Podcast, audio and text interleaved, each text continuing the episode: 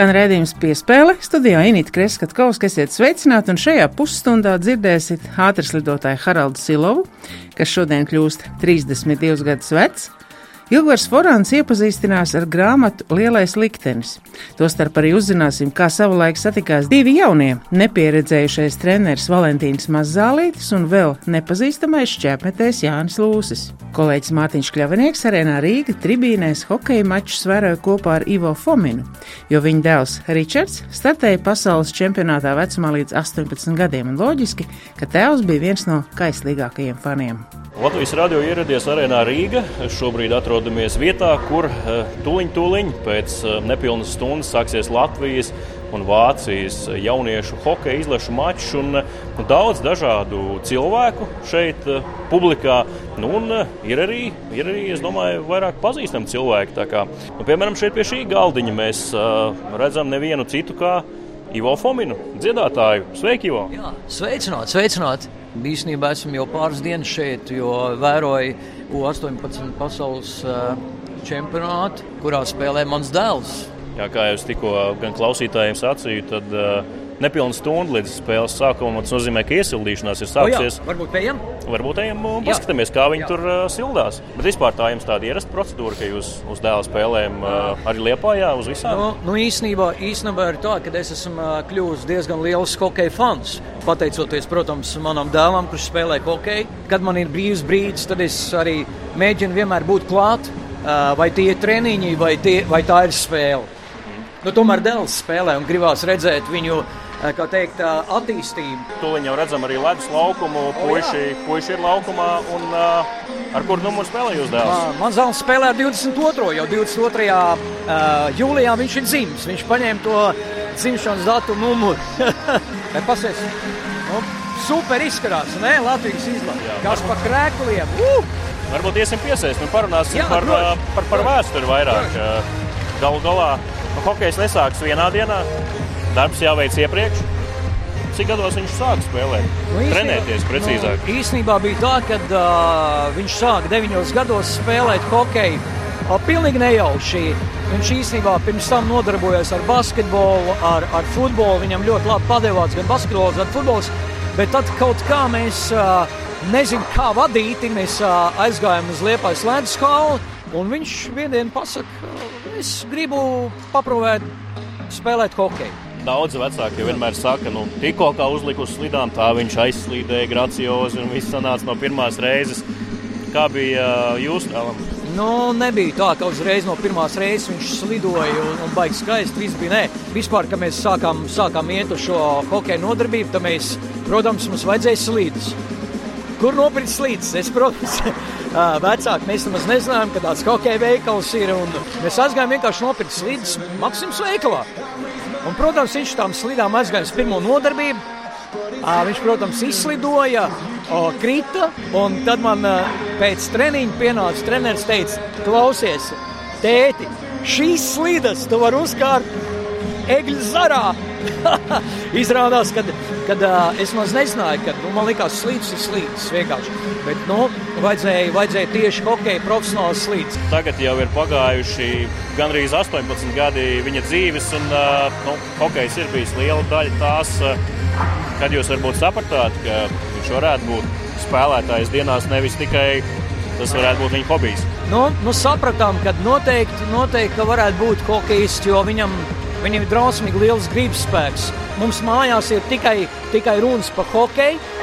Mēs uh, savu māju, savu mājas pagalmu esam ierīkojuši kā, kā jau maziņu hokeja laukumu. Mums ir uztaisīti vārti, kurā viņš arī uh, brīvajā laikā uh, iet un trenējās, sit, sit pa vārtiem. Protams, mums ir suns, kurš arī jūtas kā hokejists, jo viņš stāv vārtos, jo viņš mēģina ķert tās šaibas, ko viņš met. Ar zobiem? Ar zobiem stāv ar zobiem, un, uh, un tad viņš tās šaimas tā kā nu, negribīgi tomēr viņš atdod, atdod uh, manam dēlam. Galvenais, ka viņam ir gribas spēks, un tad jau viss arī tālāk ies. Es esmu ļoti priecīgs, kad uh, viņš spēlē hokeju, jo paskatieties, hokejs tāds īsts vīru. Vīr, vīr tāds, viņš, viņš norūda, viņš norūda to, to cilvēku. Un baigi forši, ka cilvēki nodarbojas ar sporta veidu, nevis viņi klīst pa ielām un kaut kādas muļķības dara. Es nevaru nepajautāt. Cik es esmu dzirdējis to, kā viņš vismaz tajās pagaidām nedaudzajās intervijās, kas viņam ir bijušas, atbild uz jautājumiem, tad nu, tur ir balss materiāls. Kā tad ar to dziedāšanu? Uh, nu, ar dziedāšanu tā man daudz prasa, kāpēc, kāpēc tavs dēls nu, nav dziedātājs. Viņš nekad nav, nav uh, izrādījis tādu vēlmi. Es uh, viņu lēmumu pieņemu. Un esmu ļoti, ļoti gandrīz, kad, uh, kad viņš ir šeit, ko mēs šodien vērojam, ir 22. numurs. Un uh, ka viņš var pārstāvēt Latvijas izlasi. Paldies, paldies treneriem, paldies Liepais treneriem, kas ir ieguldījuši ļoti lielu darbu viņā. Un, protams, lielu paldies arī Latvijas U-18 treneriem, kas viņi ir ieraudzījuši un, un devuši iespēju viņam spēlēt šajā čempionātā. Mēs esam šeit arēnā tribīnēs kopā ar Ivo Fominu pirms Latvijas un Vācijas spēles, kas ir nākotne. Nu, 18 gadi tie ir tie, kad parasti ir tā grūtā pārēja no junioru jauniešu hokeja uz pieaugušo Kādas jums šobrīd ir domas par, par dēlu iespējamajām sekmēm? Uh, grūti pateikt. Uh, nu, beigsies, beigsies šis čempionāts, jābrauc mājās, ir jāmācās, jo skola ir iekavēta. Un, nu, tad jau redzēs, kāda būs piedāvājuma, kāda, kāda mums būs domas, kādas viņam būs domas. 50 NHL skautu vēro šīs spēles. Nu jā, nu jā, tas nav slikti. Tas iedod papildus viņiem tādu. Nu, nu, nu, ka viņiem jāparāda sevi. Un, nu, tas ir forši. Rihards Fomins pēc uzvaras pār Vāciju ar 3-1. Mēs tādu vienu eksperimentu taisījām, kamēr tu spēlēji, jau bija savu pienākumu, bet mēs tur tribīnē sēdējām blakus tev vienam labi pazīstamam cilvēkam, tavam tētim. Un, uh, viņš kopā ar mums skatījās spēli. Cik viņš tev ļoti atbalsta hokeja? Viņš man liekas, man lielākais atbalstītājs ģimenē. Pēc tam ir mamma, pēc tam ir brālis un vispārējie. Un es paldies viņam par to. Viņš ļoti daudz atbalsta. Ne tikai finansiāli, bet arī morāli. To var just arī uz laukuma spēlējot, ka ir tās divas acis, kas tev visu laiku pastiprināti seko un jūt līdzi. Protams, tribīnēs jau vienmēr redzēs, kur viņš sēž. Viņš vaktē man, dažreiz arī mājās pasakā kļūdas. Viņš ir baigais eksperts ir hokeja. Tagad gan jūs, kā viņš teica, esat runājuši tikai šī čempionāta laikā, telefoniski vai elektroniski. Nē, esat tikušies klātienē. Nav īpaši laika, lai satiktos. Viņš tomēr mēs dzīvojam Lietpājā. Nu, nav izdevies, tad nav tik daudz brīvā laika, lai satiktos. Kā ir būt vienīgajam liepājniekam izlasē? Neapceļ tev par akcentu vai kaut ko citu? Nu, nē, nu, vairāk to Daugopilietu, Markovska apceļ, bet, bet, bet nē, viss kārtībā. Vismaz kāds no Liepājas ir labi, manuprāt priekš Liepājas tieši. Tētim jautāju, jautājuši arī tev. Nu, tā sarunājoties, nu, labs balss materiāls, varētu uzdziedāt. Kāpēc ne? Nezinu, man kaut kā. Man ir daudz teikuši, ka man ir laba balss, bet es nezinu, man kaut kā nepatīk dziedāšana. Nepatīk tās kameras un tie mikrofoni. Kaut kā nē. Kādi ir tavi nākamie plāni hokeja pēc čempionāta? Pašlaik neko tādu neesam domājuši. Jāpaveic skolu no sākuma laikam. Tad jādomā kaut kā. Pašlaik es trīs nedēļas esmu iekavējis, un tas ir diezgan daudz jau. Bet, nu, šī bija tā viena no izšķirošām spēlēm, bet, jā, mums, cik es saprotu, pietiek ar vienu uzvaru, bet nu, tas nenozīmē, ka mēs tās vienu uzvarēsim vairs nespēsim. Mums ir uzdevums visas spēles vinnēt, un to arī centīsimies darīt. Pēc labi nobrauktiem mačiem un tieši no radio no radiosporta raidījumiem tie ir tie pirmie cilvēki, kurus ar maniem runā. Varbūt es esmu sākusi arī sevi kā basketbolistu novērtēt vairāk. Dzirdējāt Mārtiņu Kļavnieku sarunu ar sportiski muzikālo Fominu ģimeni, Ivonu Ričardu, bet slidosim arī piespēles turpinājumā. Nu jau kopā ar ātras lidotāju un šīs dienas jubilāru Haraldu Silovu. Unikāls fakts pirms desmit gadiem Vankūveras spēlēs karalis kļuva par pirmo sportistu pasaulē, kas vienās Olimpiskajās spēlēs piedalījies gan ātras lidošanas, gan shorttrek sacīkstēs divos atšķirīgos sporta veidos vienā dienā. Haraldam Silovam joprojām pieder Latvijas rekordi klasiskajā ātras lidošanā un shorttrekā, un saruna ar Silovu arī par ātras lidošanas, shorttreka un daislidošanas turpmāko sadzīvošanu piespēles turpinājumā. Šodien ir tā retā iespēja redzījumā piespēle uzrunāt Haraldu Siloves. Sveiks, Harald! Sveiki! Praktiski jau šajā brīdī tu esi jau Japānā, un tev ir šodien dzimšanas diena, ar to arī mēs sākam tevi apsveikt. Paldies! Jā. par aizvadīto. Protams, Olimpiskās spēles sirsnīgi tev sveicu arī ar ceturto vietu 1500 metru distancē. Paldies, paldies! Un tikai tās 0,30 cik tur tās sekundes līdz godu piedestālam, tas laikam ir tas, kas tev tomēr uh, liek sev pierādīt un uzlikt to lielo uh, latiņu, ka ir jānostājas uz tā godu piedestāla. Ir tā? Ir tāda vēlme, jā. Man laikam gribās to, to pasaules čempionāta medaļu, kuras man vēl nav. Un kur es jūtu, ka var dabūt, uh, kur var izcīnīt, kur ir iespējama. Profesionālajā sportā ļoti lielu lomu spēlē tā komanda, kas ir ap tevi.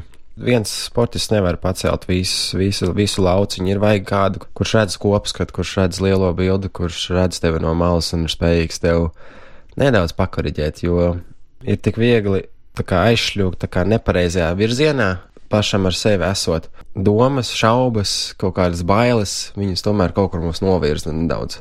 Katrs cilvēks ir atšķirīgs, un vienam, vienam kaut kas viens nostrādā, un otram pilnīgi kaut kas cits. Es zinu, ka man ir vajadzīgs acis arī no malas. Laikam, ka šogad var teikt, ka bija pirmā reize, ka pēc ilgiem gadiem es izbaudīju procesu, tā kā vēl var teikt, ka nekad. Treniņus, izbaudīju sacensības, sanāca lieliska sadarbība, kuru mēs vēl turpināsim ar fiziskās sagatavotības treneru Diānu Stupeli. Un es domāju, ka šī sadarbība bija tā, kas um, nostrādāja ar uzviju šogad. Tas bija tas cilvēks, kurš redz mani no malas, paņem nost kaut kādu slogu, kuru es pats sev uzkrauju virsū. Un līdz ar to sanāk ļoti labs līdzsvars starp, starp darbu, atpūtu. Nu, Bavārijas komunā es vairs nedzīvoju. Mana sezona ir tāda, ka es braukāju pa nometnēm, principā, un atgriežos Latvijā ik pa laikam. Tāda bāzes vieta man, principā, sanāk Rīga. Ar Diānu tā sadarbība sanāca tāda, ka es uzaicināju viņu uz pasaules kausa līdzi un uz nometni. Un tad es to sajūtu atšķirību, kā ir, ka ar tevi strādā kāds. Man ir arī tā privilēģija, principā, jo esmu viens sportists, un līdz ar to tā kvalitāte, ar kādu, teiksim, Diana var strādāt tikai ar vienu sportistu, ja, viņa nav iespējama ar, ar lielāku komandu. Viņa vienkārši nav iespējama. Līdz ar to tā ir man arī tāda tā kā priekšrocība. Un es vienkārši pamanīju to, cik liela ir atšķirība, kā tas izbalansē manu, to, manu sporta vidi. Es noteikti tev nevaru nepajautāt par masu startu Pjončkanas Olimpiskajās spēlēs.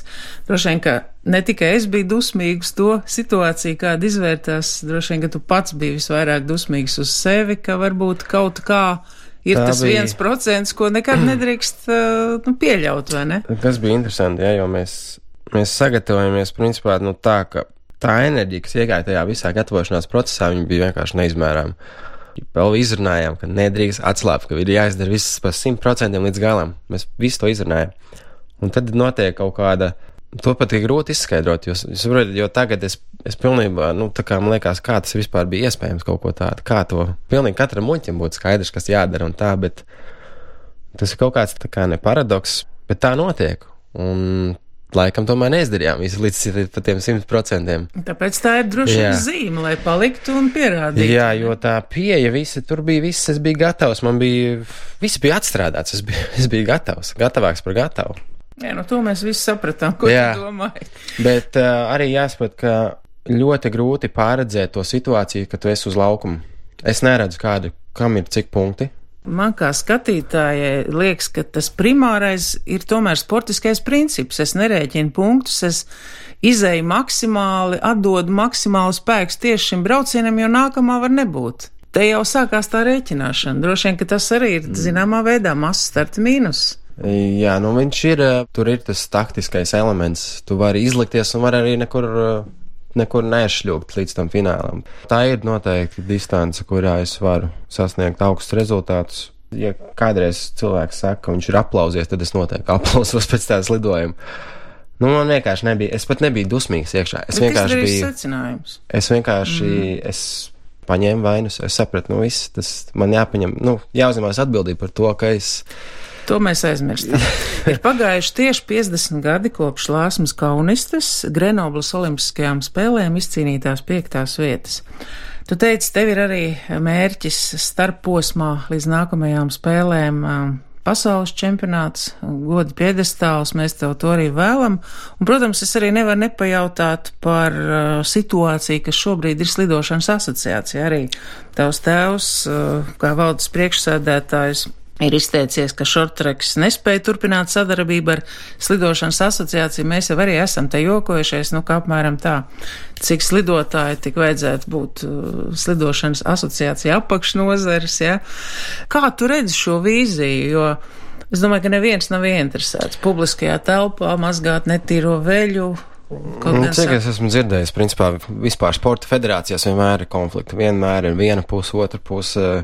Es iestājos par to, ka ir, um, ka ir jābūt sistemātiskai pieejai, viņai jābūt ilgspējīgai, jābūt tomēr ir arī, nu, nu atsevišķā lauciņas nu, lietpratējam. Ja? Problēma sākās tad, kad mēs sākam to visu novedam līdz personīgiem uh, līmenim.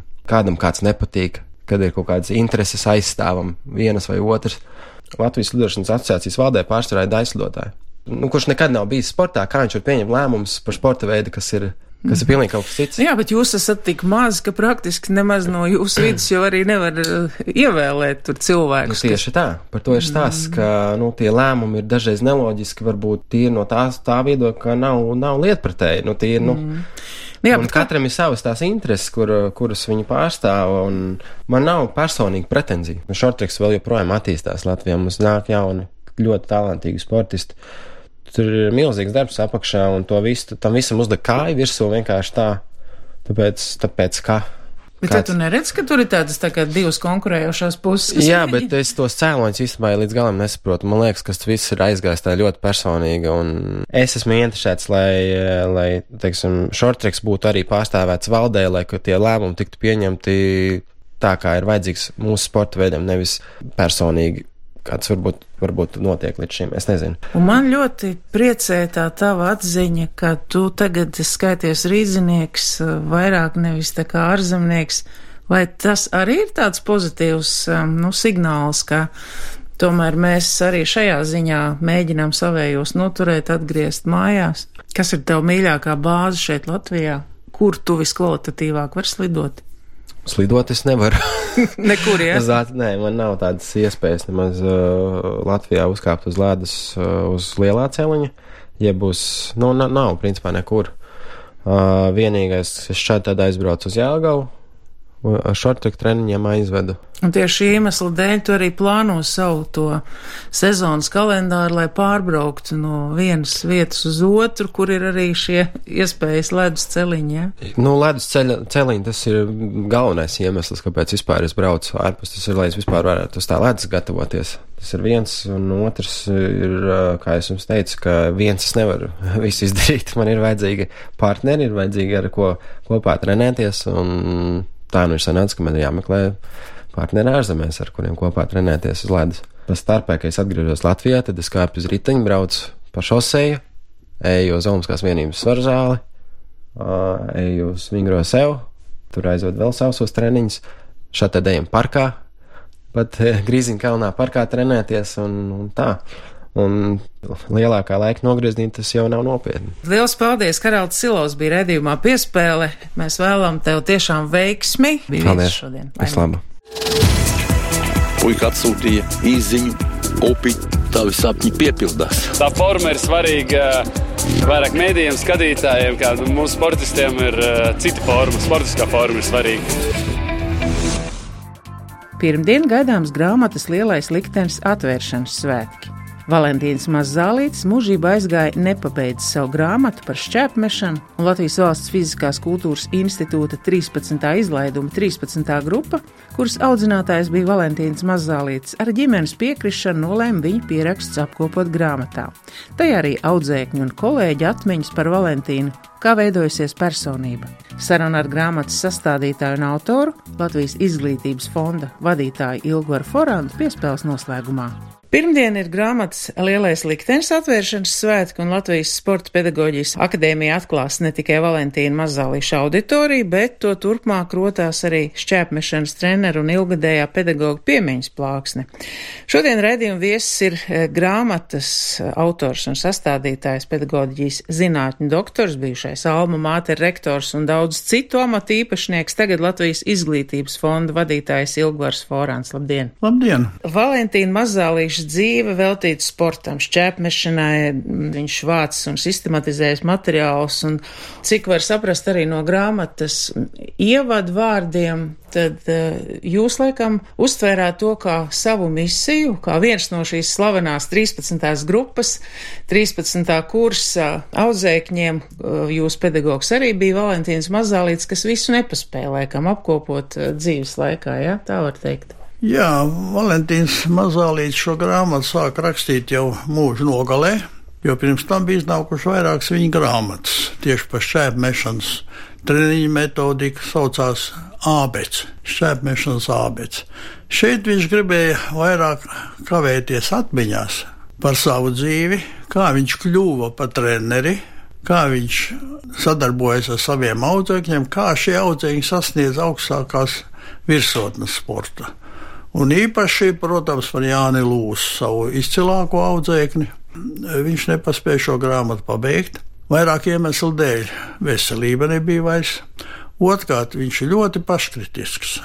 Materiāls, ko nodeva man šīs grāmatas izveidēji, bija vismaz septiņi ievadi uzrakstīti.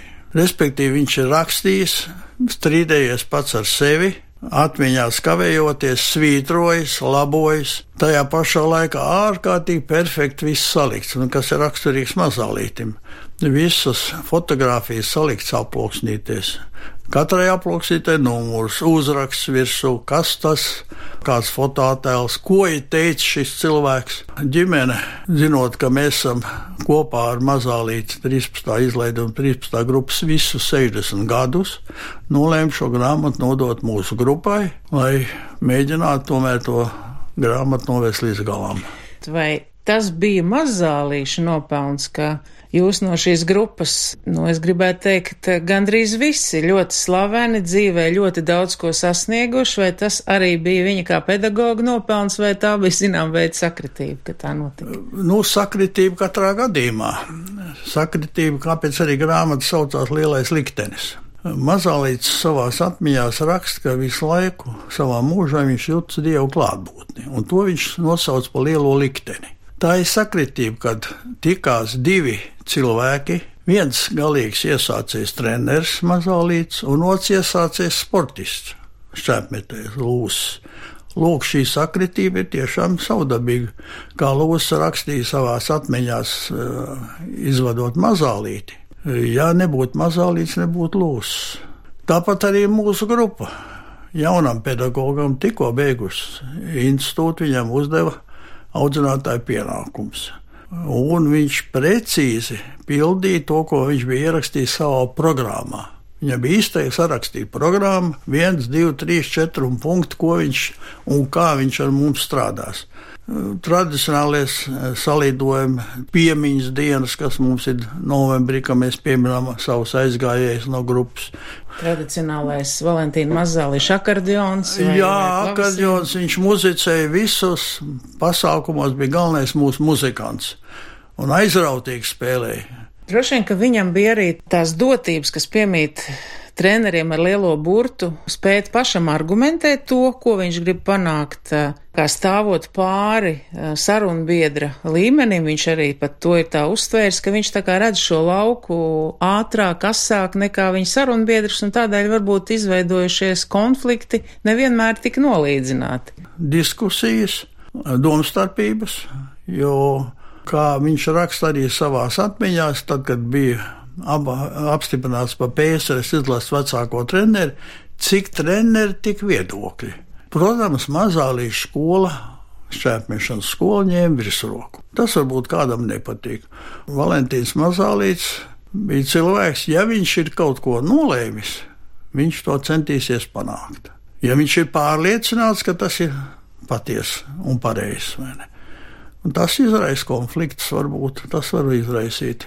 Kāds no mūsu redzējuma piespēļu viesiem savulaik teica tā, ka nesauksim tos par konfliktiem, par um, atšķirībām diskusijās un viedokļiem, un, un teica, ja savulaik nebūtu tāda arī treneru personība, upatnieks varbūt bijis atšķirīgos viedokļos ar Jānu Kipuru, varbūt viņš nebūtu olimpiskais čempions. Vai jums šķiet, ka ja nebūtu tāds Valentīns Mazālīts iesācis arī šķēpmešanas klubu kustību Latvijā, mums nebūtu tik daudz šo olimpisko čempionu, un tā ir vispār ir tāda unikāla situācija Latvijas vieglatlētika. Unikāli nenoliedzami.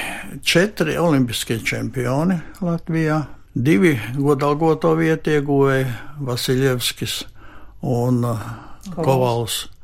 Olimpiskie čempioni, pirmā olimpiskā čempiona vispār Latvijai, Ines Jaunzeme, Elvīra Ozoliņa, Dainis Kūla, Jānis Lūs, Eiropas čempions Zigismunds Sirmais, PSRS čempiona Leolita Bļodniece, Māra Saulīte, Jānis Doniņš, kas varbūt būtu pirmais cilvēks, ja viņam priekšā nebūtu Jānis Lūs, vienmēr jāsacenšas ar Lūsu, viņš vienmēr bija otrais.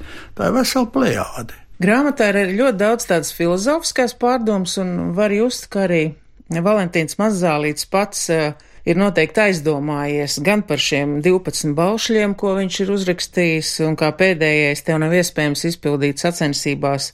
Tik teicam metienu, ka labāk vairs nevarētu, tomēr atceries, ka vienmēr var labāk.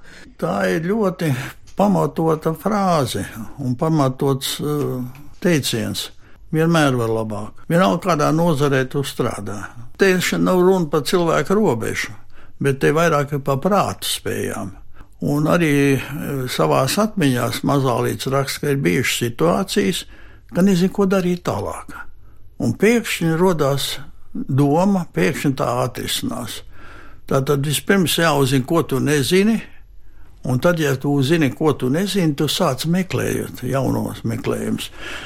Katrā gadījumā grāmata noteikti noderēs e, ar to daļu, kur ir runa par metodiku jaunajiem treneriem, grāmatu noslēgumā gan Valentīns Mazālīts it kā atvainojās tiem saviem audzēkņiem, kuri ļoti daudz viņam bijuši, kad tās metodas, ko viņš ir mācījis vairāk kā desmit gadu atpakaļ, diez vai ir labākās. Jo pēdējos gados viņš ļoti aizstāvēja ideju par katapultas metienu, katapultas izpildījumu.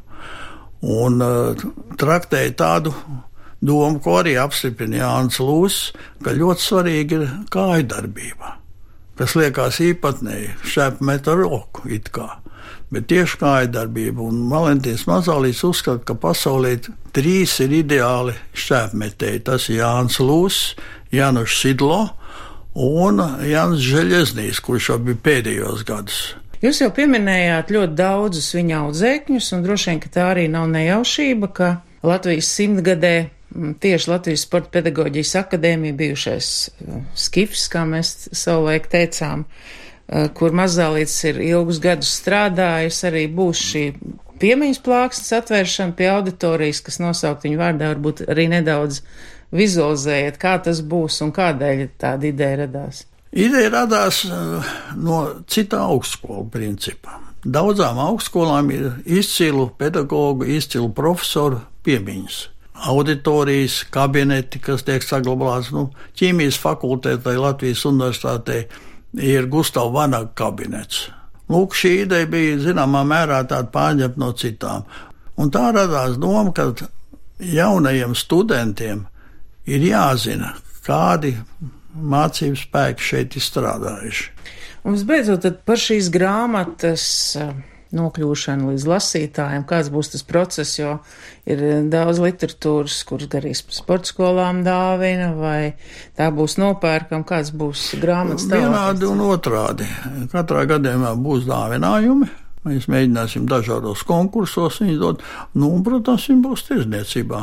Tikko būs grāmatu atsvēršanas svētki notikuši, tā mēs varēsim laist viņu tirzniecībā šo grāmatu. Viņa būs dārga, lai var iegādāties katrs. Tas nav biznesa pasākums, bet tas ir cieņas apliecinājums. Labi, liels paldies jums par padarīto. Tātad atgādinu, ka pirmdien grāmatas lielais liktenis atvēršanas svēts šodien raidījumā piespēle viesojās Latvijas izglītības fonda vadītājs Ilgvārs Forāns, arī šīs grāmatas sastādītājs un autors. Paldies! Viņš bija tāds motivators, ka es arī gribu būt tur, kur ir viņš un darīt to, ko viņš dara. Visiem spēlētājiem mēs ticam, gaidām, un, un vēl nekas nav beidzies. Vismaz viena spēle mums noteikti jābūt. Izskan raidījums piespēle, es Inīti Kreskatkovska saku jums paldies par klausīšanos un skaņu operatoram Miķelim Putniņam par sadarbību līdz citai reizei.